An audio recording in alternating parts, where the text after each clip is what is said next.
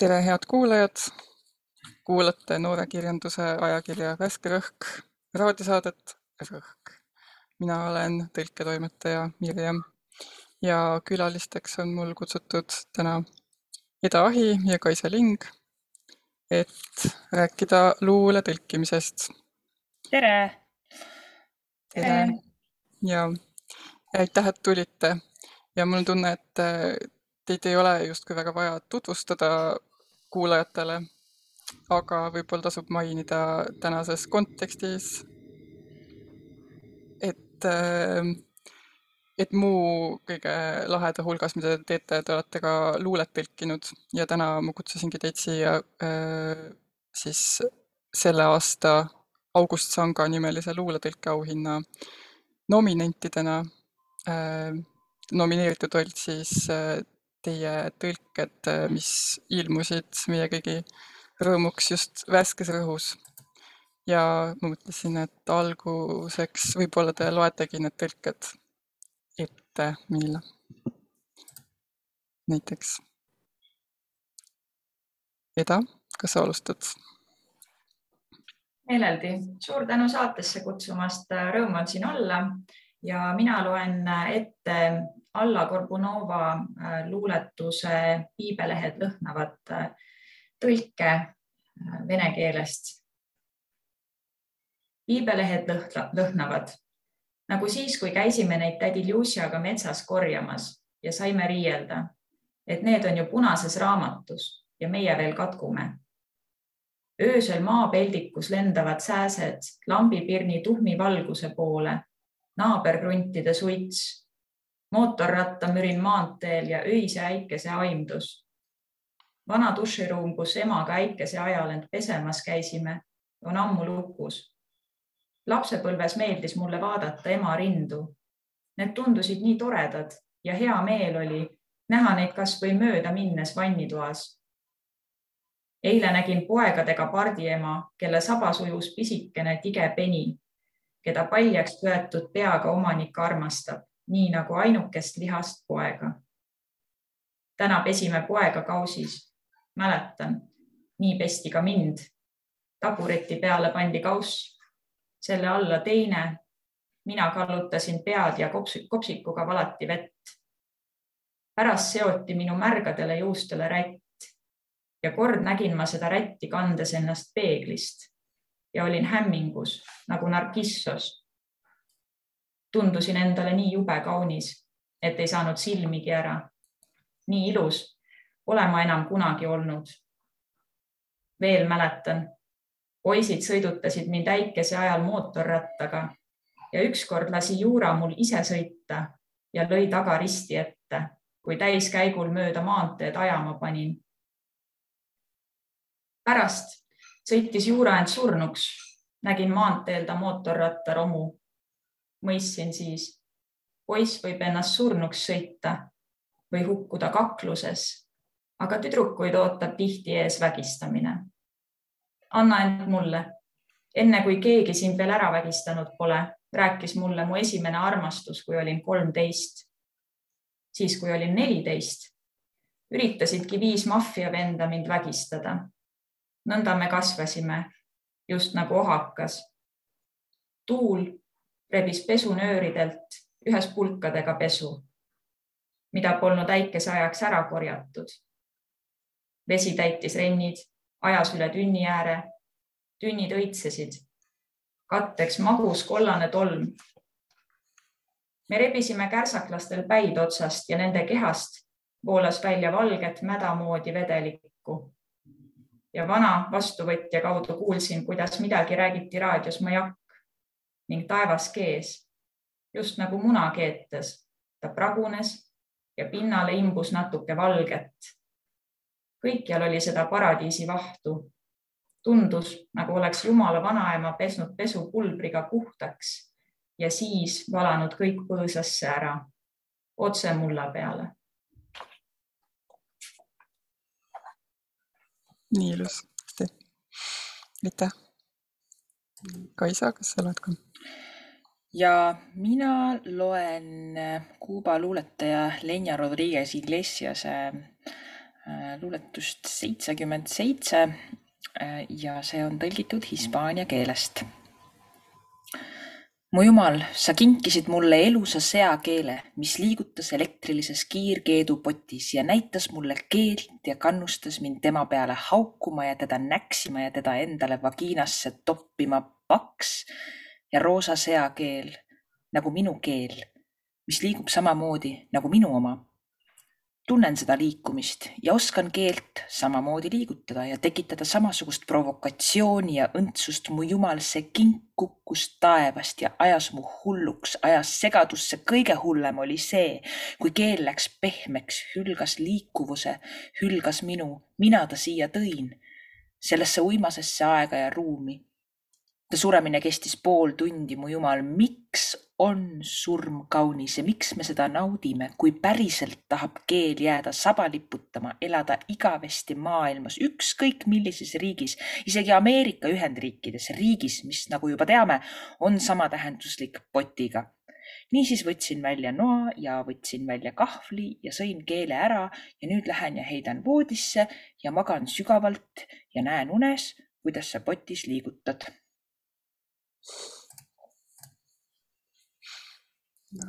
imeline tekst. Äh, ma alustuseks äh, küsin siis võib-olla, et äh, kuidas te üldse tõlkimise ja luule tõlkimise juurde jõudsite? mina võin sellest rääkida küll, sest mäletan seda väga hästi. ma olen alati alati armastanud äh, just nimelt äh, seda luulet, Ladina-Ameerika luulet ja hispaaniakeelset luulet. Äh, ja seetõttu ma tegelesin ka ülikoolis põhjalikult luule uurimisega ja selles mängisid päris palju rolli minu õppejõud ja sõbrad. esmalt Untide perekond, Jaan Unt, kellega mul kahjuks äh, ei ole väga palju kokkupuuteid olnud, aga ka Kersti Unt äh, ja Marja Unt, kes on mõlemad mind õpetanud ja äh, Marja Unt andis mulle siis bakalaureuseõppes veel, andis sellist ainet nagu luuleteksti analüüs. ja seal mul oli võimalus sukelduda hästi põhjalikult mm, pigem äh, siis Hispaania kahekümne seitsmenda aasta põlvkonna äh, luulesse, Garcia Lorca romanssidesse ja nende tõlgetesse, äh, mille on teinud Ain Kaalep. Ja, ja hästi põhjalikult neid analüüsida ja mõelda selle üle ja saada aru, et see on ikkagi üks, üks vägev värk, et tänu nendele lugemistele ja nendele analüüsidele ma hakkasin midagi mõikama äh,. mulle tundus vähemalt ja, ja see, sellest hetkest kindlasti sai luuletõlge minu jaoks selliseks hästi suureks palevuseks, sest ma nautisin seda tegevust väga-väga palju ja kuigi ma olen hiljem ainult väga äh, noh, juhuslikult olen tõlkinud, et ma saan seda minu arvates teha väga vähe alati liiga vähe, äh, siis alati, kui see võimalus on, äh, mulle see hullult meeldib. Mm. kas sa mäletad ka, mis oli esimene tekst, mida sa üritasid tõlkida või mis kutsus sind nagu? minu arust ma esimest korda tõlkisin äh, just siis, kui ma olin praktikant kahe tuhande viieteistkümnenda aasta Prima Vistal näiteks. Äh, Prima Vista oli metsik sõna siis ja see hullult kõnetas mind. ma olin nii vaimustatud äh, sellest mõttest, et on vohavat ja ülekasvavat keelt. Ja oli hästi tore, et äh, ma sain oma projektiks Hispaania luuletaja Genaro Talensi kes tuligi Eestisse just nimelt Prima Vistale osalema ja mina olin tema kontaktisik siin. Ja, ja mul oli võimalus ka tõlkida tema tekste. Äh, äh, ja need ilmusid isegi akadeemias, ma otsisin need üles ka, need ei ole väga head kahjuks. Et aga, aga vähemalt ma proovisin, ma alati väga-väga püüdsin. ja mulle nii meeldis see, et Henaro Talens kindlasti äh, mõtles sellele enesekohasele äh, viitamisele, keele enesekohasele äh, siis väljendusvõimalusele, et keel on samaaegselt nii tähenduse kui ka vormi väljendaja. ja, ja see see topeltprotsess on minu jaoks alati hästi oluline olnud. ja see kannab äh, minu, äh, kindlasti minu filosoofiat luuletõlkega seoses. et ähm, hindan mõlemat poolt väga kõrgelt. ja Eda, kas sa räägid oma äh,, kuidas sa sattusid tõlkima? ja, aga mina sattusin äh, tõlkima luulet natuke rohkem äh, tänu, äh, tänu oma suurepärastele õppejõududele. ma õppisin äh, itaalia keelt ja kultuuri Tallinna Ülikoolis ja mulle on väga hästi meelde jäänud Ülar Ploomi tõlkeseminarid tollest ajast, millesse ma suhtusin küll toona ilmselt mitte, mitte eriti tõsiselt. et väga põnevaid tekste jõudis minuni just nimelt nende seminaride kaudu ja, ja, ja selle asemel, et neid väga põhjalikult äh, kohe harutama asuda, mm, püüdsin ma pigem võib-olla leida lennult mingeid loovaid lahendusi, mis mind kiiremini äh, noh, mingit enam-vähem talutava tõlkeni äh, viiks. et ühesõnaga süvenemisvõime oli mul tol kevadel vist nullilähedane, tuleb tunnistada, aga huvi, huvi seest tekkis ja, ja hiljem ma olen püüdnud ka, ka seda süvenemisvõimet veidi järele aidata. pikk tee on veel minna, tuleb tunnistada. kärsitus on endiselt äh, piinamas.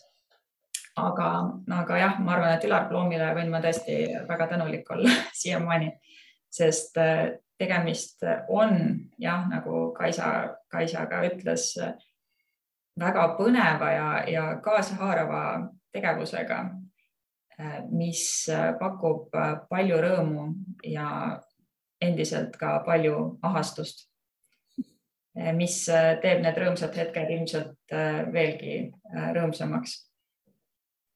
ma just mõtlen, et jah, ja kui mõelda esimesele tekstile, mida ma tõlkisin, siis tegelikult tõele au andes ilmus kellegi eraarhiivist äh, minu ette üsna hiljaaegu äh, mingisugune tõlge, mille ma, ma arvan, et umbes kakskümmend viis aastat tagasi tegin Humpty Dumptyst. ma ei tea, mis põhjusel niisuguse tõlkeprojekti ette võtsin, aga täiesti vabatahtlikult olin ma üritanud tõlkida niisugust laste salmi tõepoolest nii et äh, võin öelda, et minu karjäär on olnud üsna pikk, aga see-eest äh, võrdlemisi lünklik. esimese ja teise tõlke vahele jäi küllap äh, üsna pikk paus no,. Humpty Dumpty on, on ikka päris sihuke korralik tükk, mida ette võtta. kuidas sa seda tõlget siis hindad ka tagasi vaadates? ma arvan, et ma suhtusin sellesse võrdlemisi vabalt ja, ja loovalt kui diplomaatilselt väljenduda. kas sul on alles see praegu mul ei ole praegu seda siin ees, aga, aga jah, on, on mul alles, mul on foto sellest. nii et jah. muljetavaldav, täiega muljetavaldav.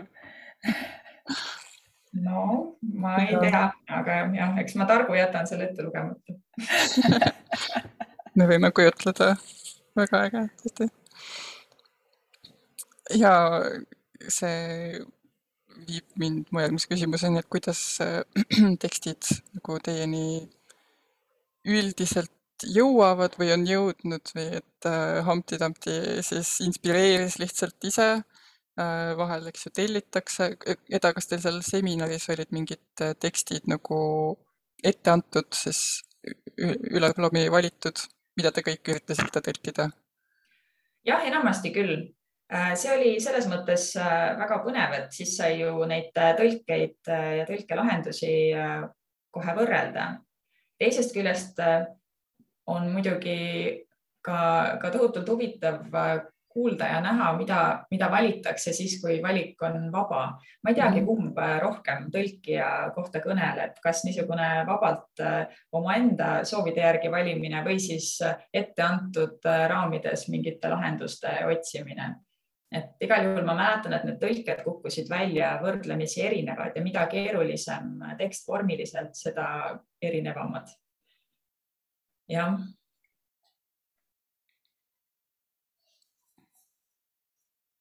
jah, äh, meil, mina käisin Eeneret Sooviku ilukirjanduse tõlkeseminaris, kus oli ka üks luuleteemaline, äh, kus tõesti muidu meil olid mingid katkendid tema valitud, aga luulet sai igaüks ise valida ja seal oli ka jah, see, see, mida keegi siis ette võttis, oli täitsa põnev tõesti ja mis ta siis seal ka tegi, muidugi oli veel huvitavam.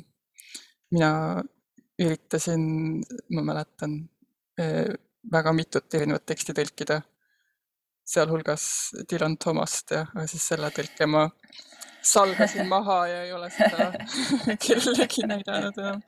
ma esitasin mingi sellise äh, vähem pretensioonika variandi äh,.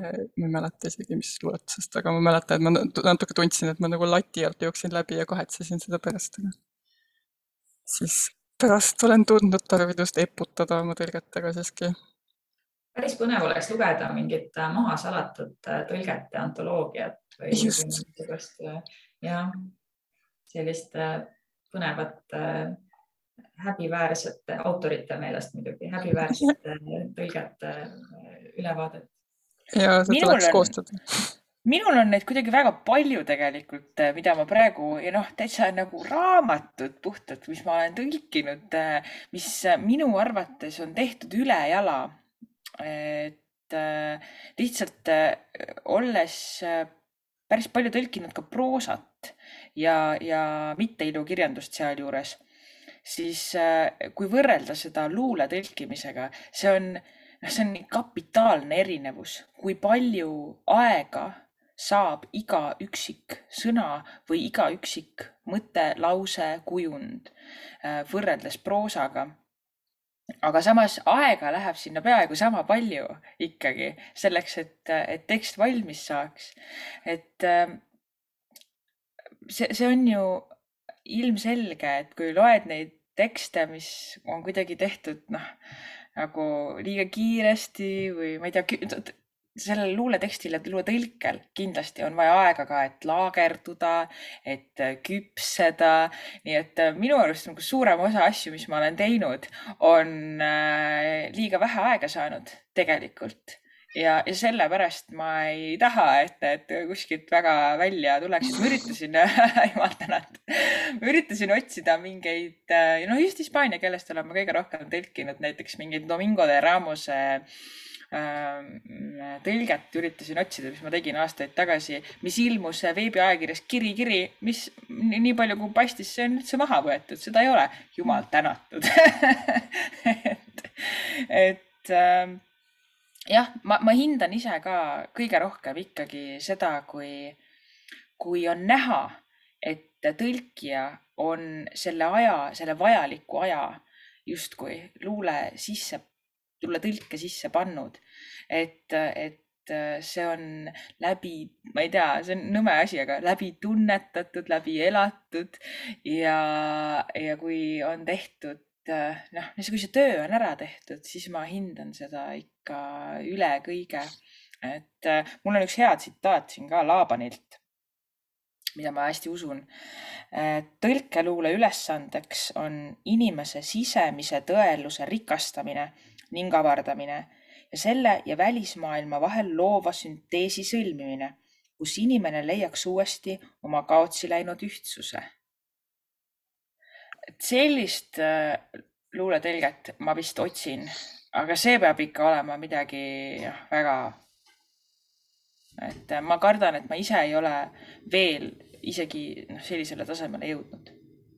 jah, luuletõlkel on ikka nagu selline müstiline mõõde. mulle tundub, et võid hakata rääkima ükskõik kui proosaliselt asjast, aga lõpuks ikkagi tuleb see müstiline fluidum ja mm. ja mis need, mis need mõõtmed on ja selles on nagu mingi kirjeldamatus. tõepoolest, sellepärast muidugi on nii paeluv ja nii piinav ja just see, need ahastuse ja rõõmuhetked, mis vahelduvad. aga ühesõnaga, Kaisa, sina, sulle, sulle on siis esitatud tellimusi, aga sa oled ka ise valinud jaa, mulle on äh, tihtipeale minu tõlked tulevad vajadusest, et äh, kas mingitel üritustel tulevad külalised äh, väljamaalt, näiteks just hispaania keelt kõnelevatest riikidest, ma tõlgin ka soome keelest. nii et tihtipeale on just sellised vajadused tekkinud ka soomekeelsete luuletajatega. Ja ka vastupidi, ma olen päris mitu korda sattunud just nimelt sellest vajadusest tõlkima ka hispaania keelde või, ähm, või isegi soome keelde või inglise keelde, eh, mis on omapärane tegevus ja mille ma igatahes maha salgan. Te ei kuulnud seda siin praegu. Eh, need tekstid kuskil on, aga, aga tihtipeale see on just jah, et äh, isegi võib-olla joonealuseid seina peal näitamiseks noh, kus on vaja tavaliselt, et et neid ma olen päris palju teinud, aga avaldamiseks jah, tihtipeale tellitakse mm, ma väga harva olen ise pakkunud, kuigi tegelikult mulle kõige rohkem meeldib ikkagi need, äh, meeldib teha neid luuletusi, mis mulle ette satuvad mingitest äh, noh, suvalistest kohtadest, et äh, kui ma kas midagi tõlgin või midagi kirjutan või loen, siis neid tuleb ikka ette. Ajakirjadest, kust iganes, kui teed mingit uurimustööd. Ja, ja üks väga oluline osa sellest on ka poeesia minu jaoks vähemalt on see, on see väga-väga oluline ja ma pean, ma kohe tunnen, mingi tekst tuleb ette, ma tunnen, ma tahan seda tõlkida, seda juhtub umbes no iga nädal kindlasti. nii et mul on selline suur kaust on Drive'is, äh, mille pealkiri on tõlkida hüüumärk. Äh, ja need on tekstid, mis on tihtipeale juba mustandis mõni on juba päris kaugele äh, arenenud, mis ma kunagi kunagi need tulevad kõik välja. aga see, see tegevus mulle lihtsalt nii kohutavalt meeldib, see on minu jaoks äh, hästi oluline, et ma panen selle aja sellesse teksti, mis on nii pisikene, aga mis võtab nii palju aega. Ja samas, kui ma lähen sellest äh, tekstist nagu läbi, see on nagu lukuauk, pressid ennast sealt läbi ja selle taga on on teine maailm, on traditsioon, on miski, mis noh, just nimelt nagu Laaban ütleb mis, mis rikastab minu sisemist tõelust ja avardab seda. Äh, ma, ma näen seda noh, päris tõsiselt ja ma tahan seda edasi anda ka nendele, kes loevad seda. aga jah, kahjuks ma ei ole tegelikult kunagi väga rahul sellega et äh, jah, ma, ma usun nagu, ma olen selles mõttes, ma usun Toropit, et tõlkimine on alati äh, maailma muutev tegevus ja sellepärast äh, see on nagu vastutus on hästi suur. on, see on noh, hullumeelsus jah, mhm. aga võib-olla me kuulame nüüd selle maailma avamise jutu peale siis äh, selle Kaisa valitud loo. ja muidugi, see on äh, väga tore lugu, mis on pärit Kolumbia, minu teise kodumaa selliselt äh, värevalt lauljalt, kelle nimi on Petrona Martinez. ja, ja see on tema viimaselt äh, albumilt Ancestras, Esiemad. ja see jääbki tema viimaseks, ta on ise öelnud, et aitab küll, laulge nüüd edasi tütred. ja, ja see on tore album sellepärast, ma soovitan seda väga tõsiselt, sellepärast et ta teeb seal koostööd äh, mustade lauljannadega, neid oli vist lausa neliteist tükki üle maailma. ja see laul on ka mitmekeelne sobivalt ja räägib sellest, miks laulda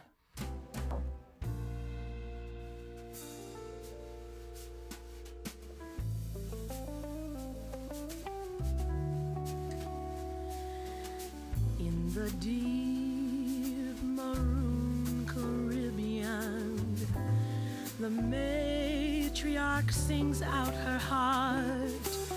It takes a woman to give life, a village to raise a child.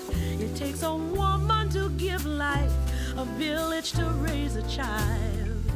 La cantadora voz en la cantadora, la cantadora, la cantadora.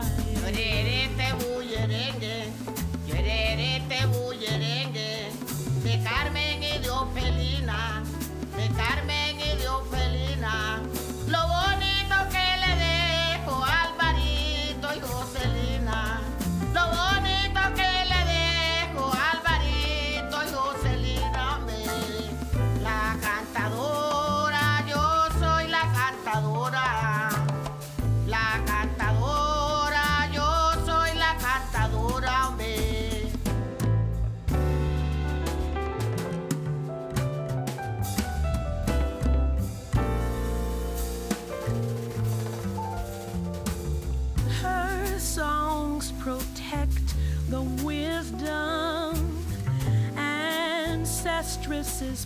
Her down.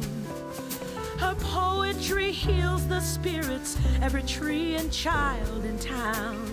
Her poetry heals the spirits, every tree and child in town. La cantadora, voz en la cantadora.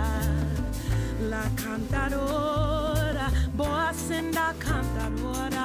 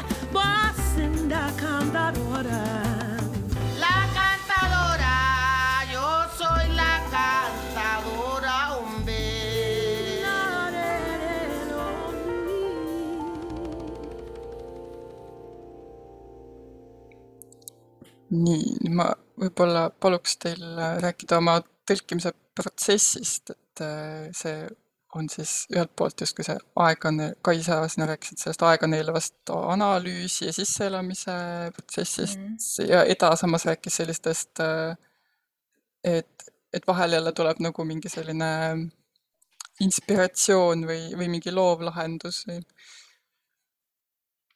võib-olla Eda, sa räägid, kuidas sa siis lähened? Äh, sõltub tekstist ja, ja tõlke eesmärgist. aga üldiselt äh, meeldib mulle esimese hooga teha mingi intuitiivsemat sorti tõlge äh, selle põhjal, kuidas teksti kõla ja esmamulje mind, mind mõjutavad ja ütleme, kuhu, kuhu poole nad mind äh, tõukavad. sest mulle tundub, et äh, hiljem teksti süvenedes äh, võib see esmamulje, mis muidugi võib olla ka vale, täiesti kuskile ära kaduda, et enam ei saa seda esimest, esimest head erilist mingit maitsenooti kätte, see on kuskile ära kadunud, eriti kui on tegu tehniliselt keerukama tõlkega ja tõesti tuleb neid A-sid ja B-sid ja C-sid sinna üsna, üsna palju ridade juurde kriipsutada ja, ja, ja igasuguseid ähm, märgikesi. et ähm, ja, ja seejärel äh, jah, ma hea meelega analüüsin teksti veidike rohkem. teen mitu erinevat varianti. ideaalis samuti annan aega laagerduda, kui see on vähegi võimalik. aga mulle paistab, et aeg-ajalt, eriti tekstidega, mis on kuidagi ise minu juurde jõudnud mm, ja mulle väga-väga meeldivad ja mind tõesti kõnetavad võib juhtuda nii, et, et ütleme, pika laagerdumise peale need hakkavad äh, justkui natuke, ütleme, mitte tekstid ise, vaid tõlked hakkavad siis äh, veidi pehkima või, või roiskuma kuidagi sabast kinni saada sellel protsessil ja seda tagasi pöörata on, on kohati võrdlemisi äh, raske. et minu jaoks kindlasti niisuguste tõlgete puhul on äh, on võrdlemisi keeruline küsimus äh, see, et äh, kas ja, ja, ja millal, äh, mis hetkel siis avaldada. et ähm, aga ma olen nõus Kaisaga, et ähm, kui tõlkega on tõesti vaeva nähtud ja, ja sellesse süvenetud ja uuritud taustamaterjali ja nii edasi, siis üldiselt on lõpptulemus palju rikkalikum. Ja mis seal salata, mulle on väga palju abiks olnud ka toimetajad. Nii selle üle otsustamisel, äh, millal ja kas üldse avaldada, kui ka äh, ütleme, protsessi, tõlkeprotsessi erinevates äh, faasides toeks olles.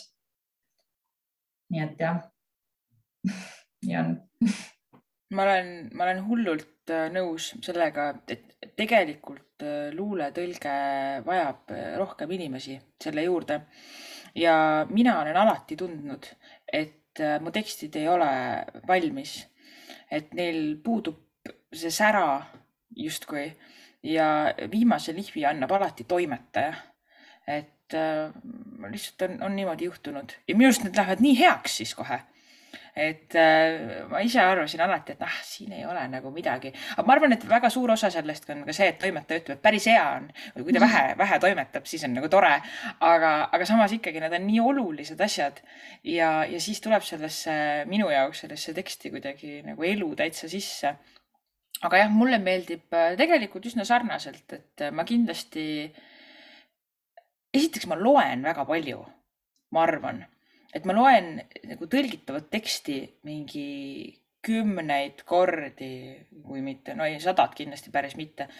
aga, aga ma loen seda hästi palju ka valju häälega kindlasti ja mingil hetkel hakkavad äh, sealt välja tulema mingid sõnad nagu, mis, mis minu arvates peavad jääma. et see on selles mõttes, see on huvitav seos lauludega. et ma, ma laule teen umbes samamoodi ja ma kuulen mingeid olulisi sõnu mis peavad jääma. et mis seal ümber on, see on juba peaaegu ebaoluline. ja, ja siis, siis ma pean veel üsna palju lugema. et tihtipeale mina saan teha just selle sellise sporaadilise juhuslikkuse tõttu, mis mul on võimalus. tegelikult ma olen päris rõõmus, et see mul niimoodi on, et ma ei pea väga palju seda tegema, sest see jube raske töö ja võtab õudselt palju aega. et Äh, mulle meeldivad need autorid ja, ja ma loen hästi palju ka kõike muud, mida nad on kirjutanud. ma loen käsitlusi, arvustusi, võib-olla mingeid äh, selliseid ka nagu külgnevaid autoreid isegi, et mõista, mis, mis toimub, kus ma olen omadega, sest et noh, tavapäraselt äh, need tekstid tulevad kuskilt nii kaugelt et ma ei ole, ma ei ole kursis sellega, selle kirjandusmaastikuga, kus need tekstid on elanud tegelikult, et äh, muidu ma peaksin ta ju nii-öelda välja rebima mingist täiesti suvalisest kontekstist ja istutama siia mis tegelikult noh, ongi ju no, luuletõlge on tavapäraselt on see, et äh, need, kes loevad seda oma emakeeles kuskil mujal, neil on ja, ja see on ka kirjutatud ju konteksti. nii et äh, see, kui ma tahan sellele nüüd siin Eestis justkui ka mingi sellise hea pesa ümber ehitada, äh, siis mulle tundub, et ma peaks aru saama, millisest pesast see on pärit. Äh, et ähm, siis mul on natuke mugavam endal ka kuidagi seda teha. Ja siis tõesti läheb selliseks kirjutamiseks, tuleb kirjutada, ümber kirjutada mul on hästi kahju, et äh, ma ei ole saanud tegelikult äh, teha äh, tugevat tööd vormiga, et minult on ilmunud ainult vabavärsiliste tekstide tõlked peaaegu, pole riimigi vist olnud. ja, ja see on nii kurb, sellepärast et ma, mulle hullult meeldib, ma ikkagi eelistan tavaliselt lugeda väga ranges vormis kirjutatud äh, tekste Äh, millele ma saaksin teha äh, värsimõõdu analüüsi, joonistada neid A-sid ja B-sid ja aga ma ei, vist ei ole väga osav selles, olgugi et see mulle jubedalt meeldib. et see ei ole lihtsalt ette sattunud mulle, mul ei ole võimalust selles olnud, aga ma, see on kindlasti üks asi, mida ma väga-väga tahaksin teha hullumoodi, hullumoodi ma tahaksin tõlkida ranget vormi, sest et kui Eestis on sellised forma, noh, et luuletõlked on, on jagatud võib-olla siis kahte leeri, et ja see on alati ka sõltub, sõltub asjaoludest ja sõltub tekstist ja kõigest muust. et noh, et, et, et kas tõlkida rangelt vormi või ikkagi lihtsalt üritada edasi anda nii-öelda mõtet või mingit sisu siis äh, mina kindlasti äh, kaldun rohkem sinna formalistide poole. et see on väga oluline, et edasi anda ka, ka luuleteksti vormilist külge ja, ja sellist häälikulist koostist ja, ja rütmi ja kõike seda, et äh, aga see on jah, see on mul selline soovunelm pigem kahjuks no see on see, see võimatuse nagu, e, see, mis teeb eriti võimatuks, et sa veel selle, seda vormi muidugi alati tõlke puhul tekib see küsimus, et noh, et mis on sama või mis on edasiandmine või et kui noh, ma ei tea, jamb vene keeles ei ole sama, mis jamb eesti keeles. lihtsalt et kui me nüüd tõlgime, muidugi ma ütleks, et võib-olla vene luuletõlke traditsioon on piisavalt tugev eesti keeles, et sellel on oma mingi ähm,, sellel on juba mingi oma kõla olemas, et sa kuuled ära, et no jaa, see on, see on juba see Eesti Lermontov või midagi sellist. aga, aga vahel on jälle selline tunne, et noh, et mis, kui ma nüüd äh, üritan teha midagi nagu sama nii-öelda, et siis äh, kuidas see tegelikult siin kultuuris toimib. ja ka kogu see konteksti kaasatoomine, et vahel on nagu selline tunne, et mi-, noh, kui ma, kui ma mõtlen, et kõik see peab siia värssi sisse mahtuma, siis kas, kas lugeja eh, pähe nii palju üldse mahub korraga või kas ta on seda võimeline sealt välja lugema? nii et see, see on nagu sihuke ei ole võimalik endale mitte jalga tulistada vist, kui hakkad luulet tõlkima, aga samas on see lihtsalt põnev ka. Eda, sina oled ka, sina oled tõlkinud sellist äh, vormiliselt ranget luulet ka ja sa ise ju kirjutad ka sellist äh, jah, praegu nagu ebatavalist või sa, sa teed vorme, eks ole, et sul on mingi selline soon aga kas sa oled vahel ka mõelnud, et äh, seda luuletust on, oleks parem näiteks tõlkida vabaverssi, kuigi ta on, ma ei tea, mis äh, noh, mingis soneti vormis või midagi sellist? mul tekib tihtipeale see kiusatus, kui ma hakkan vormiliselt väga ranget teksti tõlkima, siis mulle, mõeldes esiotsa, et äh, sisu on, ju ikkagi teksti puhul kõige tähtsam ja eelkõige tuleks püüda seda edasi anda, et kui juba ütleme sellest sisulisest poolest oma, oma tõlkeversiooniga liiga kaugele rännata, siis, siis pole tekst ju enam üldse seesama. et sellisel jah, selliste tekstide puhul tihtipeale äh, ma esialgu hakkan äh, katsetama mingisuguse jah, vabavärsilise variandiga, aga tavaliselt selgub üsna pea, et, et see ikka ei lähe üldse, ei sobi. ja, ja tasapisi teksti süvenedes äh, hakkavad äh, siiski pinnale kerkima üldjuhul ka mingid äh, tõlkelahendused, mis lasevad ka vormil veidi välja paista või vähemasti markeerivad kuidagi originaali vormi. Minu meelest luuletõlke puhul on, on väga äge ka see, et seda ei pea sugugi tegema ainult äh, kirjutuslaua taga istudes või, või arvuti taga istudes, et äh, just nimelt, kuna see kõlaline pool on, väga tähtis äh, minu jaoks, siis, siis tihtipeale ma kannan, kannan neid tekste endaga väga mugavalt kaasas, kui ma, noh, ma ei tea just kui mugavalt, sest vahel need tõesti osutuvad üsna piinavaks ja painavaks ja meenuvad õhtul enne magama jäämist lüües plaks silmad lahti viimasel hetkel. aga jah, just nimelt äh, luulet saab tõlkida ka pargis jalutades, äh, mida iganes muud tehes. see on niivõrd äh, kontsentreeritud ja ja tihtipeale hakkab ka kuidagi peas ähm, heas mõttes äh, ketrama ja aina iseennast meelde tuletama. minu meelest äh, luule puhul, luule tõlkimise puhul äh, kulgeb see protsess siis edasi ka, ka siis, kui sa parasjagu ei istu selle faili taga ega, ega jõllita tühja või siis pooltäis Wordi dokumenti on ju, ta hakkab nagu pähe jääma, ta kulub sul suhu ja, ja siis ketrab peas, noh nagu laulud. Ja, ja, ja just see mööda tänavat jalutamine ja, ja luuletus on peas, luuletus noh, ketrab ringi ja siis tuleb kuidagi selline parem väljendus. et siis tuleb, aga see laul peaks hoopis nii käima et äh, see, ma olen, ma olen täiega nõus sellega, nii tore on see. aga noh, ma olen ka selles mõttes seda meelt, et äh, tegelikult äh, tõlkimine üldse tõenäoliselt ei ole võimalik. et see edasiandmine, see, see ongi, see on, noh, see on hullus. miks me peaksime suutma anda edasi sellist mõtet, see lõplikult, see ei ole tõenäoliselt võimalik, aga ma väga tõsiselt usun just nimelt sellesse töösse Äh, mida teevad tõlkijad, see on tõeline rekritüür, uuesti kirjutamine. inimene, kes äh, võtab selle noh, tõesti ilusa, hea, vägeva mõtte, võtab enda sisse, mäletseb seda nii kaua, et sellest tuleb välja midagi noh, nagu see on next level värk.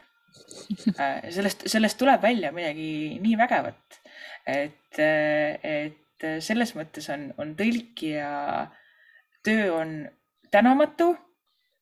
aga, ja, ja tihtipeale noh, rääkimata tõlketoimetajatest loomulikult, see jääb üldse, keegi ei räägi sellest. et seal on veel inimesi, kes sellega tegelevad. aga, aga see on privileeg, see on, see on vägev, kui sa saad olla natukene ka, ma ei tea saad olla natukene Borges või saad olla natukene Lermontov või, või Block või, või kes iganes. see, see, noh, minu jaoks see tõesti tundub niimoodi, nagu ma oleksin natukene mõni nendest autoritest mm. -hmm. kuulame vahepeal nüüd Eda valitud muusikapala. ja, see muusikapala ilmutas ennast äh, ise siin äh, talvisel ajal tuues tuues meelde meeldivaid äh, Brasiilia rütme ja see on äh, Sao Jorge Tiverazao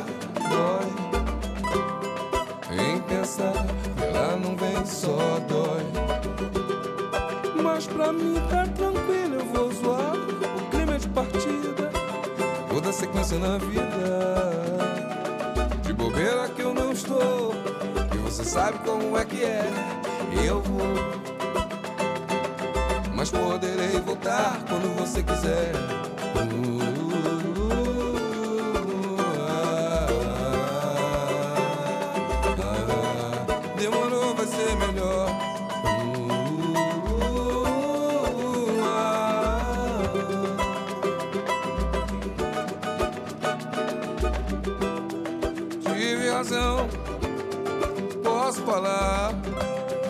Não foi legal, não pegou bem. Que vontade de chorar, dói. Em pensar que ela não vem, só dói. Mas pra mim tá tranquilo, eu vou zoar. O clima é de partida, toda sequência na minha vida. E de bobeira que eu não estou. Você sabe como é que é. Eu vou. Mas poderei voltar quando você quiser.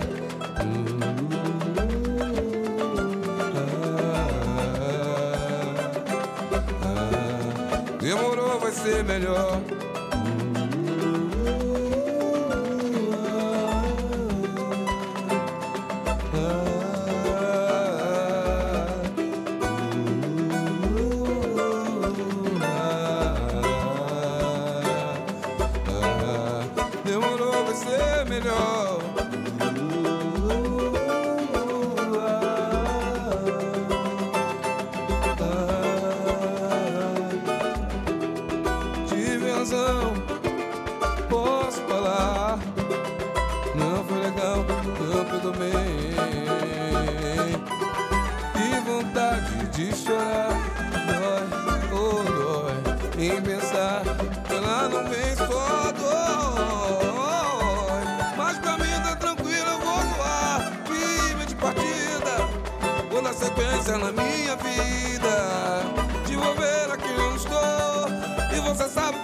Que é.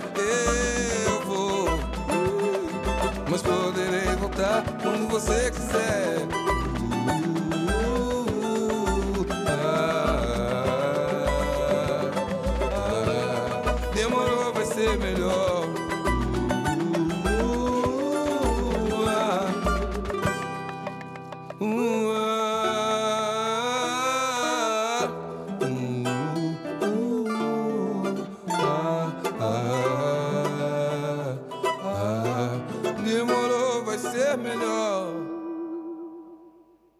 Ma läheks edasi kuidagi kogu see eelnev jutt äh, pani mu mõtlema selle sõnale orgaaniline.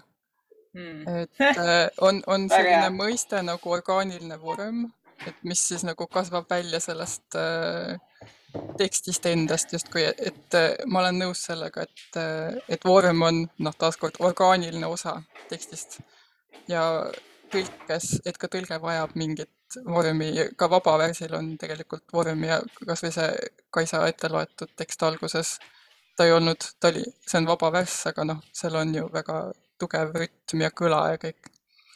no ühesõnaga see, mis orgaaniliselt tekib, see, see on kõige lahedam, kui see niimoodi eh, ellu ärkab, et see muutubki nagu elusaks tervikuks või see elusus, jah, luuletõlke juures. ja kui te mainisite mõlemad seda kõndimist, see on, see ka kuidagi tuleb, pani mind mõtlema, et see on ikka väga, et tõlkimine on ju ka täiesti füüsiline. sa teed seda tegelikult kogu kehaga, mitte nende sõrmeotstega või pliiatsiga. see on vist see, mis ka mind nagu luuletõlke juures kõige rohkem võlub, kui ma tunnen ära, et see on just, see käib läbi terve keha ja, ja kogu see, selle luuletus on ise nagu üks elus keha.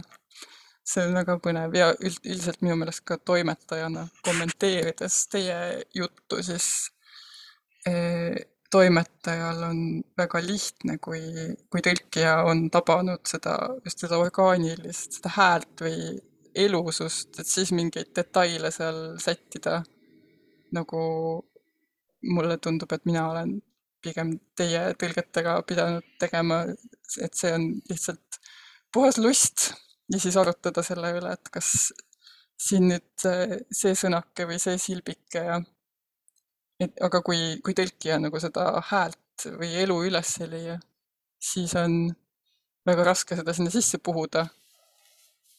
ja see oli huvitav, et sa mainisid nagu pehkimist teda, et, et tõlge kuidagi nagu lagu, laguneb ära, see on väga lahe kontseptsioon, sest mina olen jälle just tundnud, et tõlge tahkub ära et näiteks proosat ma saan palju kauem toimetada või noh, nagu mida ma olen näiteks ise tõlkinud, siis seda lauset ma võin nagu muuta nii ja sikutada ja nihutada, aga kui ma olen, kui ma mingit luuletust tõlgin, siis ta on väga lühike aeg, kus ta on veel pehme ja ma saan midagi muuta.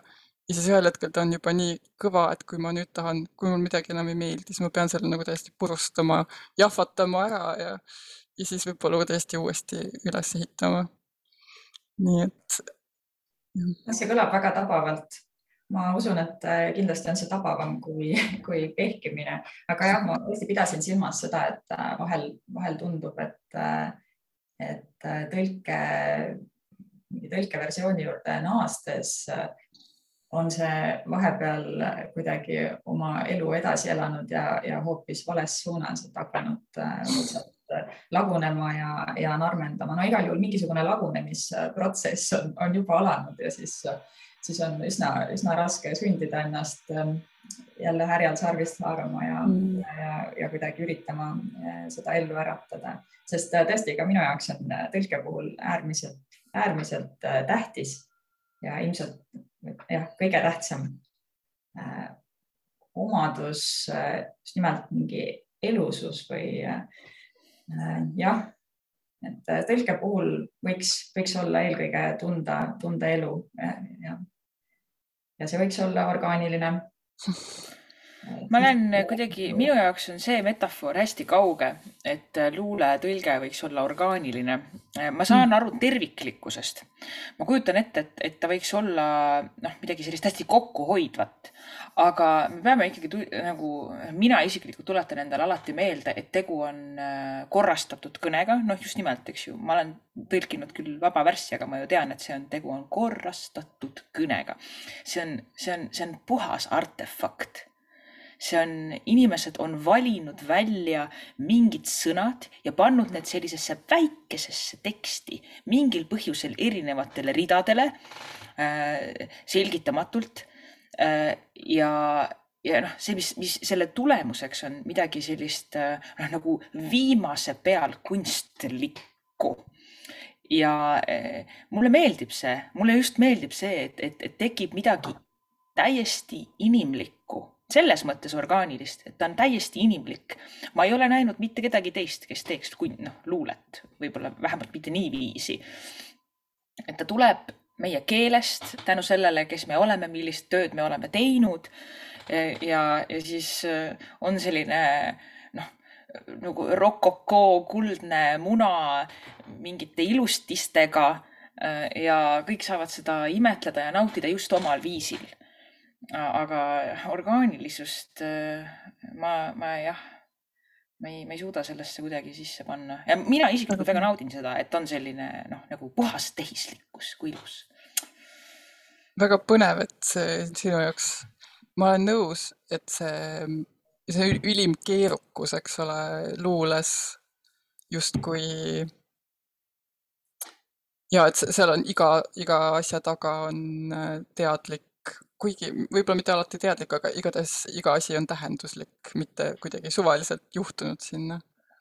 aga minu jaoks vist on tõesti see vahe, et, et orgaaniline versus mehaaniline, et mulle tundub, et mehaaniliselt ei ole võimalik isegi sellist keerukust tekitada, et sa paned nagu ühe asja teise järele, see, et minu jaoks see teksti kasvamine, et kui seal ei ole seda, see, mis võimaldab asja nii keeruliseks ajada, saab olla ainult nagu äh, see, see on natukene justkui rohkem kui see, mida ma oma väikese ajuga suudan välja mõelda, et midagi nagu juhtub veel, et see tekst teeb ise midagi. see on vist see, mida ma mõtlen orgaanilise all. see orgaaniline lihtsalt, võib-olla ei ole õige sõna, et, et Võib-olla, võib-olla jah. siin peab olema midagi sellist, noh, ma ei tea, midagi liikuvat või midagi mm., noh, et, et ta, ta tuleb oma, oma mootor sisse kuidagi. vot selles mõttes, et kui tehnilise vastand võiks olla, siis selline nagu iseliikur. võib-olla näiliselt orgaaniline, et äh, minu meelest võiks tõlge nagu ära petta lugeja. et äh, lugeja võiks kuidagi esimese hooga vaadata, et oh, et see on küll, noh, meie puhul siis eesti keeles kirjutatud näiteks. et äh, ja siis hakata vaatama, et oo, aga see on ju tõlge, mhm, kes autor on, mis keeles see tõlgitud on ja võib-olla siis ideaalis hakata juba edasi kõrvutama originaaliga. mulle jubedalt meeldib, kui, kui ilmunud tõlke kõrval on originaal, siis saab kohe hakata uurima ja puurima. see on väga lahe mõte, mulle see jubedalt meeldib, et kui me räägime siin juba noh, luuletõlkest, mis on juba iseenesest noh, täiesti hullumeelne tegevus, nagu me oleme siin jõudnud, et noh, et luule, et luuletõlge võiks ära petta, ma olen, ma olen kahe käega selle poolt ja. jah, ei no tõlkes on alati see kummastus, et kas ta on nüüd ise või ta on teine, kas ta esindab või on, noh, tal ongi kaks külge ja see on täielik selline optiline, optilise illusiooni moodi, et ku- kumba sa nüüd vaatad praegu. see on fastsineeriv minu meelest. kas te võib-olla lõpuks tahaksite ka mainida siis ähm, mis, milli-, ma ei tea, tõlkeid või tõlkijaid või mingeid eeskujusid või mis on nagu vaimustanud teid? Vaimustavaid tõlkeid on õnneks, õnneks meie väikeses äh, kultuuris ja keeles olnud äh, palju. aga, aga mulle äh, ütleme viimastel aastatel ilmunud tõlgetest ja tõlkeraamatutest on, on väga sügavat muljet, muljet avaldanud Maarja Kangro varietee, kuhu on kokku kogutud päris mitu palet ja autorit tema tõlkija teelt. minu meelest on tegu tohutult äh, inspireeriva äh, raamatuga, mis, mis on ka tõesti omajagu meelelahutuslik. ongi tegu jah, iselaadi varieteega, mida, mida sellistel äh, lihtsalt olelushetkedel, suvalistel hetkedel pihku haarata ja, ja, ja ükskõik mis kohast lahti teha. Vaimustavad on, on, on kõik need leheküljed. ma kõige rangemates toonides ütlen, et jah, ma olen nõus, see on väga-väga no, ikka muljetavaldav äh, teos, varietee, tõesti, ma arvan, et seda võiks soovitada kõikidele, aga äh, ma pean tunnistama ka, et mulle on väga hästi mõjunud äh, sellise kirjastuse nagu salv, salv, mõlemat pidi sobib, nii ma tean, salv tegevus see on siis Rein Raua kirjastus, kus on välja antud äh, näiteks ka Ferlingetit ja see oli Sauteri tõlkes, see oli tõesti noh, tore, et nad on ette võtnud hästi olulise töö lennukalt, põnevalt. ma tõesti, mulle väga meeldib. täiesti nõus. ja ma ka kiidan ainult takka. Ja on tõesti vedanud äh, Eesti kultuuris kasvõi seesama armas August Sang, kelle nimeline auhind meil on. ma ei tea, iga kord, kui ma loen, siis ma tunnen, et jah, viieteistaastaselt see sädelus või see puhtus võlus mind ja nüüd samamoodi. ja samas ka mõni asi on, võib-olla ma olen hakanud seda aja jooksul rohkem hindama äh, just nei-, sellised tõlked, milles ma tunnen, et, et ma, et seal on midagi uut leitud. et alguses ma keskendusin sellele, mis on kaduma läinud. justkui olles kiindunud sellesse originaalteksti.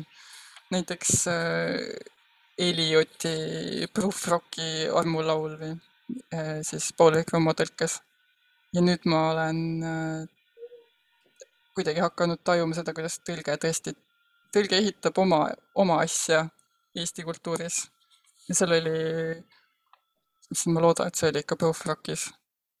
Need read, et aeg veelgi sajaks suureks otsustuseks ja kõhkluseks ja taandumiseks sajaks. et saada valmis tee ja leivaviilu ajaks. nagu imeline kirjeldus luuletõlkija elust minu meelest. Jaa, aga mul kahjukski ongi juba aeg otsas. me peame lõpetama oma suurepärase vestluse.